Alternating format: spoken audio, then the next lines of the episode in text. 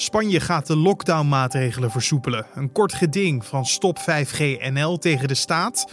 En vandaag zal de nationale dodenherdenking plaatsvinden. En dit jaar is het een compleet andere editie dan de voorgaande jaren. Dit wordt het nieuws. Ja, die Duitsers die zijn op de vlucht geslagen. Ik hoorde dus nog lopen met de lazen, het ijzer onder de lazen over die gang in. Dan riepen ze valschermjeger, valschermjeger. Ze zijn gevlucht en ze hebben ons vergeten, dat weet ik niet. Maar in ieder geval, we zijn er blijven zitten. Want een grote groep veteranen, zoals je net Theo Roeven hoorde, zullen de grootste afwezigen vandaag zijn. Het coronavirus laat het gewoonweg niet toe om massaal samen te komen. Daarom in deze podcast gaan we in gesprek met twee veteranen. Waaronder dus Theo Roeven. En we gaan ook nog in gesprek met Ben Dijman. Maar eerst kijken we kort naar het belangrijkste nieuws van nu. Mijn naam is Carne van der Brink en het is vandaag maandag 4 mei. Bij twee verschillende zendmasten in Den Haag heeft in de nacht van zondag op maandag brand gewoed. Het gaat om zendmasten aan de Jaap Edeweg en aan de Laan van Poot, die kort na elkaar werden gemeld.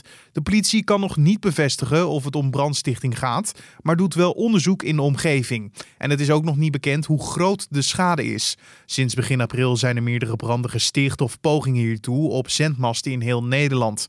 Tot nu toe zijn drie verdachten aangehouden: één voor een brandstichting in een zendmast in Groningen en twee voor brandstichting in Dronten. De Nationaal Coördinator Terrorismebestrijding en Veiligheid vermoedt dat er sprake is van extremistische protestacties tegen de komst van het 5G-netwerk. Het onderzoek naar de explosie in een flat in Groningen van afgelopen vrijdag is afgerond. De bewoners mogen weer terug naar huis. De explosieve stoffen die in de flat zijn aangetroffen zijn afgevoerd. Bij de ontploffing raakten vrijdagavond twee personen licht gewond. En de brandweer zei te vermoeden dat de explosie was veroorzaakt door een defecte oven. Maar dat bleek niet te kloppen, want de explosieve opruimingsdienst trof een explosieve stof aan in een appartement, waarop de politie de twee bewoners arresteerde. Ze worden sindsdien verhoord op het politiebureau. In Suriname zijn momenteel geen mensen meer besmet met het coronavirus. Dat meldt het nationale COVID-19 crisismanagement team. De laatste persoon die positief testte op het virus is op 2 mei genezen verklaard. Sindsdien zijn er geen nieuwe gevallen meer bijgekomen. In totaal waren er 10 bevestigde besmettingen in Suriname.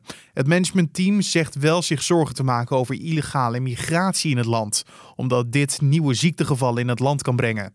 De grensrivieren worden afgesloten en gemonitord om dit te voorkomen. Meerdere grote UMC's en ziekenhuizen in Nederland gaan onderzoeken of er een verband is tussen het coronavirus, trombose en longembolieën. Veel coronapatiënten die op de intensive care liggen, hebben naast het virus ook last van deze aandoeningen. Volgens de Trombose Stichting, die het onderzoek financiert, gaat het om minstens een derde van alle patiënten met het COVID-19-virus. Vooral de patiënten met longembolieën zijn er vaker slechter aan toe en komen vaker ook te overlijden. Het is nog niet bekend wanneer het onderzoek exact van start gaat. Volgens de Trombose Stichting zal dit zo snel mogelijk zijn. En dan kijken we naar het gesprek van vandaag. En dat is dat vanavond om 8 uur de nationale dodenherdenking op de Dam gehouden zal worden. Die is zoals vanouds met twee minuten stilte, maar ditmaal zonder publiek. Alleen koning Willem-Alexander, koningin Maxima, premier Mark Rutte, de Amsterdamse burgemeester Femke Halsema en voorzitter Gerdy Verbeet van het Nationaal Comité 4 en 5 mei zijn aanwezig. Koning Willem-Alexander gaat voor een lege dam een toespraak houden. En om twee minuten voor acht wordt het tap-toe-signaal geblazen. Met daarna de gebruikelijke twee minuten stilte. Alleen de grote afwezigen zullen vandaag de grote groepen veteranen zijn. Zij kunnen ons namelijk de verhalen vertellen over oorlogen en crisissituaties uit ons verleden. Om dit gat te vullen bieden wij graag twee veteranen een podium. Zo sprak ik met de 94-jarige veteraan Theo Roeven, die als hospik bij de stoottroepen in de Tweede Wereldoorlog actief was. Maar daar begon het niet. Toen de oorlog uitbrak, toen was ik uh, 14 jaar. Ja, en ik heb uh, die bezettingstijd die heb ik meegemaakt. Ik heb uh, ja, die onderdrukking door de Duitsers en zo heb ik meegemaakt. En ja, op den duur heb ik toch een klein beetje weerstand te gaan willen bieden. Ja, we vonden het eigenlijk toch allemaal maar niks wat er gebeurde. We werden onderdrukt, we hadden die jodenvervolging, we hadden mensen die uh, gevangen genomen werden. Ja, ik heb me eigen daar toch proberen verdienstelijk te maken. Ik heb proberen geallieerde piloten te helpen die neergeschoten waren en die met een parachute naar beneden sprongen. Ik heb ja, van allerlei dingen gedaan. In 1944 ben ik eigenlijk wel echt in het verzet gekomen. En daar heb ik toen de opdracht gekregen om samen met nog iemand de springlading van de veerpont ook klaar te maken. En ik begreep dat die missie niet heel succesvol afliep, hè? Ja, dat is mislukt. We zijn door de veerman zijn we verraden aan de schildwacht, aan de Duitse schildwacht. Die aan de andere kant van de Maas liep. Die heeft ons gevangen genomen. Die heeft ons naar het hoofdkwartier gebracht van die Duitsers. Uh, dat was de ortscommandant. ja, we zijn er verhoord. We zijn er geschopt en geslagen. We zijn er gevangen gezet in de kamer daarnaast. Ja, we waren best toch wel een lucky boy, want de luchtlanding was bezig. Het 17 september, de marketkade was bezig. En die Duitsers die zijn op de vlucht geslagen. Ik hoorde dus nog lopen met de lazen, het ijzer onder de lazen over die gang in. Dan riepen ze valschermjeger, valschermjeger. Ze zijn gevlucht en ze hebben ons vergeten, dat weet ik niet. Maar in ieder geval, we zijn er blijven zitten. We hebben er twee dagen hebben daar gezeten. En toen zijn we door de Amerikanen zijn we bevrijd ja, die Amerikanen die namen ons ook weer direct gevangen, want die wisten eigenlijk ook niet wat voor specters in de kuip hadden. Hebben ons gefouilleerd en ondervraagd en wij hebben het zo goed mogelijk in ons Engels, wat wij op school geleerd hadden, nog verteld wie we waren. En toen zijn we weer in vrijheid gesteld. U zei het net al, u was een lucky boy. Ehm, dat is denk ik ook de reden waarom u het nog na kan vertellen. Hè? U heeft heel veel geluk gehad. Ja, je moet toch een beetje geluk hebben in, de, ja, in, die tijd, hè, in die oorlogstijd ook. Want net is, als je die piloten op ging zoeken, ja, het was spertijd. En uh, je mocht niet buiten komen. Die Duitsers die gingen natuurlijk ook zoeken. En die wisten dan ook wel ongeveer waar die zaten, waar die piloten zaten. En ja, dus je moest heel voorzichtig zijn. Het was best allemaal heel spannend. En ja, er zat ook best wel een heel groot risico zat eraan. En als we het hebben over wat u in de oorlog deed toen u echt in verzet kwam, dan was dat medische hulp geven, toch? Nou, het is zo. Uh, ik ben eerst uh, verzet gedaan, toen heb ik binnenlandse strijdkrachten gedaan, toen heb ik stootroepen gedaan. En stootroepen, die, ja, dat was een kopie, die moest nog helemaal opgericht worden, want er bestond niks. En dan werd er gekeken wat je kon. En uh, ja, werd er gevraagd, wat heb je? Ik had er twee uh, diploma's, had ik. En nou, je zei, jij bent hospic. Dus ik heb, ja, ik heb mensen geholpen. Ik heb ja, best heel veel mensen geholpen. In die tijd van 44, van oktober 44 tot mei 45, hadden we al 102 jongens stootroepers die gesneuveld zijn. Ja, en hoe kwam dat? Dat kwam natuurlijk door de slechte opleiding. We hadden helemaal geen opleiding gehad. We hadden pas een paar keer leren schieten. Ja, die Duitsers die waren een goed uh, georganiseerd en goed bewapend uh, leger. En, en niet alleen de, de Nederlandse soldaten begreep ik dat u heeft geholpen, want ook een enkele Duitser. Ik heb ook Duitse militairen geholpen. Daar werd niet altijd in dank aanvaard. Want ze zeiden dan, Theo, uh, doe het nou niet, want straks dan lap je hem op en dan zit hij daar weer te kijken. En we moesten zelf ook nog wel eens voorzichtig zijn. Want we hadden nog wel eens ooit van die fanatieke Duitsers, als je met hen bezig was, dat ze mes pakten of uh, ja, ja, dat ze toch nog probeerden om zeep te helpen. Maar ik heb dat gedaan en ik heb er geen spijt van. Ik heb er nu nog uh, goede voldoeningen over. Ik heb, ja, ik heb iedereen proberen te helpen. Vriend en vijand. U was dus heel erg in de oorlog bezig met andermans gezondheid. Uh, maar laten we niet vergeten dat u natuurlijk ook op uzelf moest letten. Hoe was het daarmee gesteld met uw eigen gezondheid en ook daarna uh, het verwerkingsproces? Ja, nou, dat is allemaal toch best meegevallen. Ja, ik, ja, ik, ja, ik heb natuurlijk wel eens wakker gelegen. Soms van dingen als ik hectische dingen had. Ik had ook wel, ehm, als ik bijvoorbeeld een ja, jongen die heel erg bloedde, die bloedlucht, die zoete bloedlucht in mijn neus, die kon ik soms niet kwijt worden. Daar liep ik dan dagen mee rond. Ja, ik heb ja, toch eigenlijk weinig eh, last ervan. Ook, ook nu nu. Want ja, ik word nou ook weer dikwijls met de feiten, op de feiten gedrukt. Ja, nee, ik lig er niet wakker van. Gelukkig uh, dat die verhalen en, en die beelden dan niet uh, negatief af en toe naar boven komen. Iets wat wel uh, blijvend is, in, ja, in teken van dank, zijn de medailles die u heeft gekregen. Alleen u wil niet gezien worden als held hè, voor uw diensten in de Tweede Wereldoorlog. Nou, nee, dat ben ik niet. Want ik ben gewoon vrijwillig ben ik in dienst gegaan. En ik heb vrijwillig alles gewild. En ja, en je komt dan van het een in het ander en het gaat, gebeurt gewoon automatisch. Nee, ik ben geen held en ik wilde ook niet zijn en uh, daar ben ik nog niet. Maar ik ben ook geen held op hoor. Dus uh, nee. Dat is inderdaad een, wezenlijk verschil. Ik, ik heb hem opgeschreven als we u nog eens een keer moeten aanspreken. Ja, ehm, maar als we even nu naar eh, de komende dagen kijken. 4 en 5 mei. We vieren dit jaar 75 jaar vrijheid. We herdenken de slachtoffers van oorlogssituaties en vredesmissies. Uh, maar door ja, de coronacrisis Ehm, is het een hele sumiere variant. Eh, maar een paar mensen die kransen mogen leggen. Geen massale bijeenkomsten, geen feesten. Uh, wat vindt u daarvan? Dat, dat het op deze manier nu uh, gevierd en herdacht moet worden? Nou ja, ik, ik, ik ben het er helemaal mee eens. Ik ben toch ook 94 en ik zit toch ook in de groep dat ik voorzichtig moet zijn met contacten en zo. Ik ben het er helemaal mee eens. Maar ja, ik vind het wel heel jammer. Natuurlijk was het uh, heel anders geweest. Natuurlijk had ik 4 mei had ik de dodenherdenking waar ik altijd bij was. 5 mei hadden we de vrijding. Dan waren we meestal in Wageningen met een, eh, met een peloton. Dan ben ik detachementscommandant en daar liepen we dan mee in het défilé.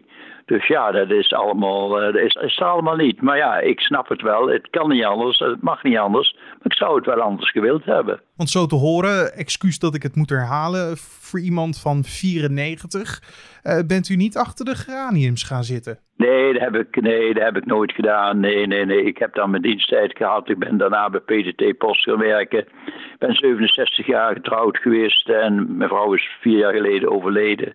Ik heb weer een nieuwe vriendin ontmoet. Ik was bij een fietsclub, bij een dansclub. Ja, dus ja, dat is best fijn. En iedereen zegt tegen mij, Theo, heel fijn dat je toch nog iemand hebt ja, voor de weekenden en de leuke dagen ja, om er iets mee te ondernemen. Meneer Roeven, ik wil graag afsluiten met de vraag hoe u in 2020 um, corona-editie 4 mei zal kleuren. Hoe gaat dat voor u eruit zien? Hoe gaat u het invullen? Nou ja, ik uh, woon hier in een appartementengebouw en dat is 54 eh, appartementen. En als u uh, eh, 5 mei hier, hier, bij ons komt, dan ziet u wel 50 vlaggen hangen enkele mensen die zijn oud en die, uh, die, die, kunnen die vlag niet uithangen. En vroeger ging een van ons, van de jongeren, ging bij die mensen helpen. En daar willen ze nou ook liever niet. Willen ze gewoon wegblijven. Maar dan hangt, hangt hier de vlag uit. Dat was veteraan Theo Roeven. Niet alleen de slachtoffers uit de Tweede Wereldoorlog staan vandaag centraal. Daarnaast ook de slachtoffers uit recentere oorlogssituaties en vredesoperaties. Om die reden belde ik met de 59-jarige veteraan Ben Dijman. Hij heeft 39 jaar als militair gediend, waarvan 28 jaar als anesthesiemedewerker. Dijman werd tijdens zijn diensttijd maar liefst negen keer uitgezonden. Bijvoorbeeld naar Bosnië, Irak en Afghanistan. Die laatste locatie maakte in 2007 het meeste indruk? Voor mij was dat de meest heftige missie, omdat wij daar met uh, twee operatieteams zaten waar ze er nu zes hebben. Uh, of tenminste, de laatste periode dat ik daar was, waren er zes. Dus wij deden hetzelfde werk met twee teams, wat ze daarna met zes teams deden. Dus het is enorm druk geweest. We hebben enorm veel gewonden voorbij zien komen. Dat was eigenlijk dag en nacht ging dat door.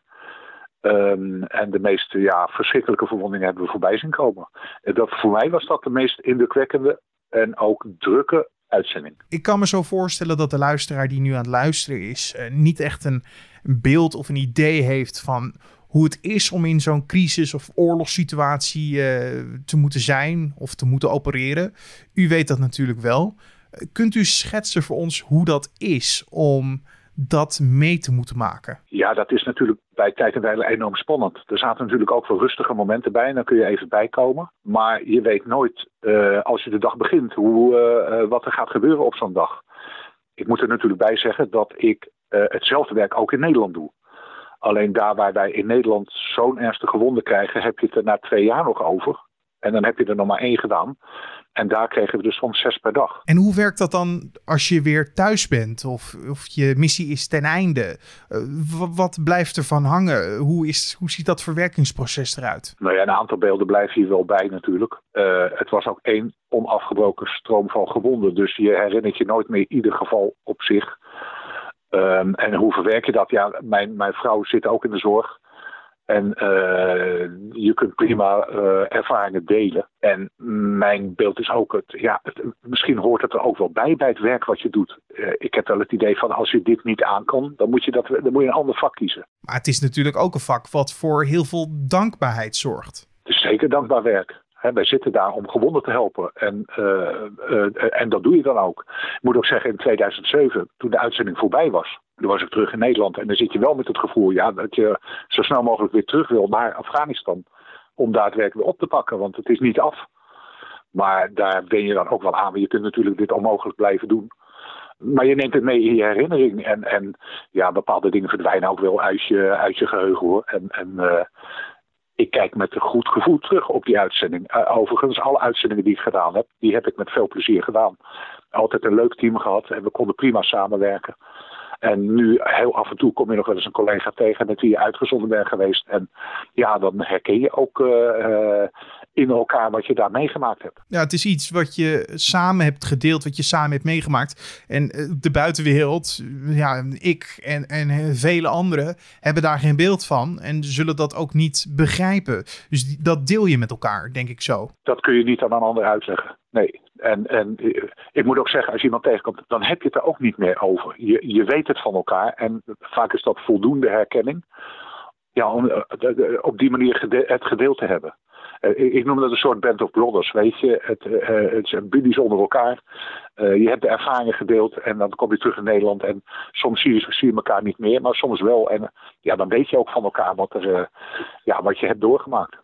Los van de beelden die af en toe denk ik op zullen komen of die je altijd bij zullen blijven. Ik denk ook wat een bijkomend iets is, is dat je de waarde van vrijheid extra gaat waarderen. Uh, mag ik het zo omschrijven? Ja, dat klopt. Ja, is wel heel bijzonder. Maar zeker natuurlijk ook deze tijd in de, corona, uh, de coronacrisis.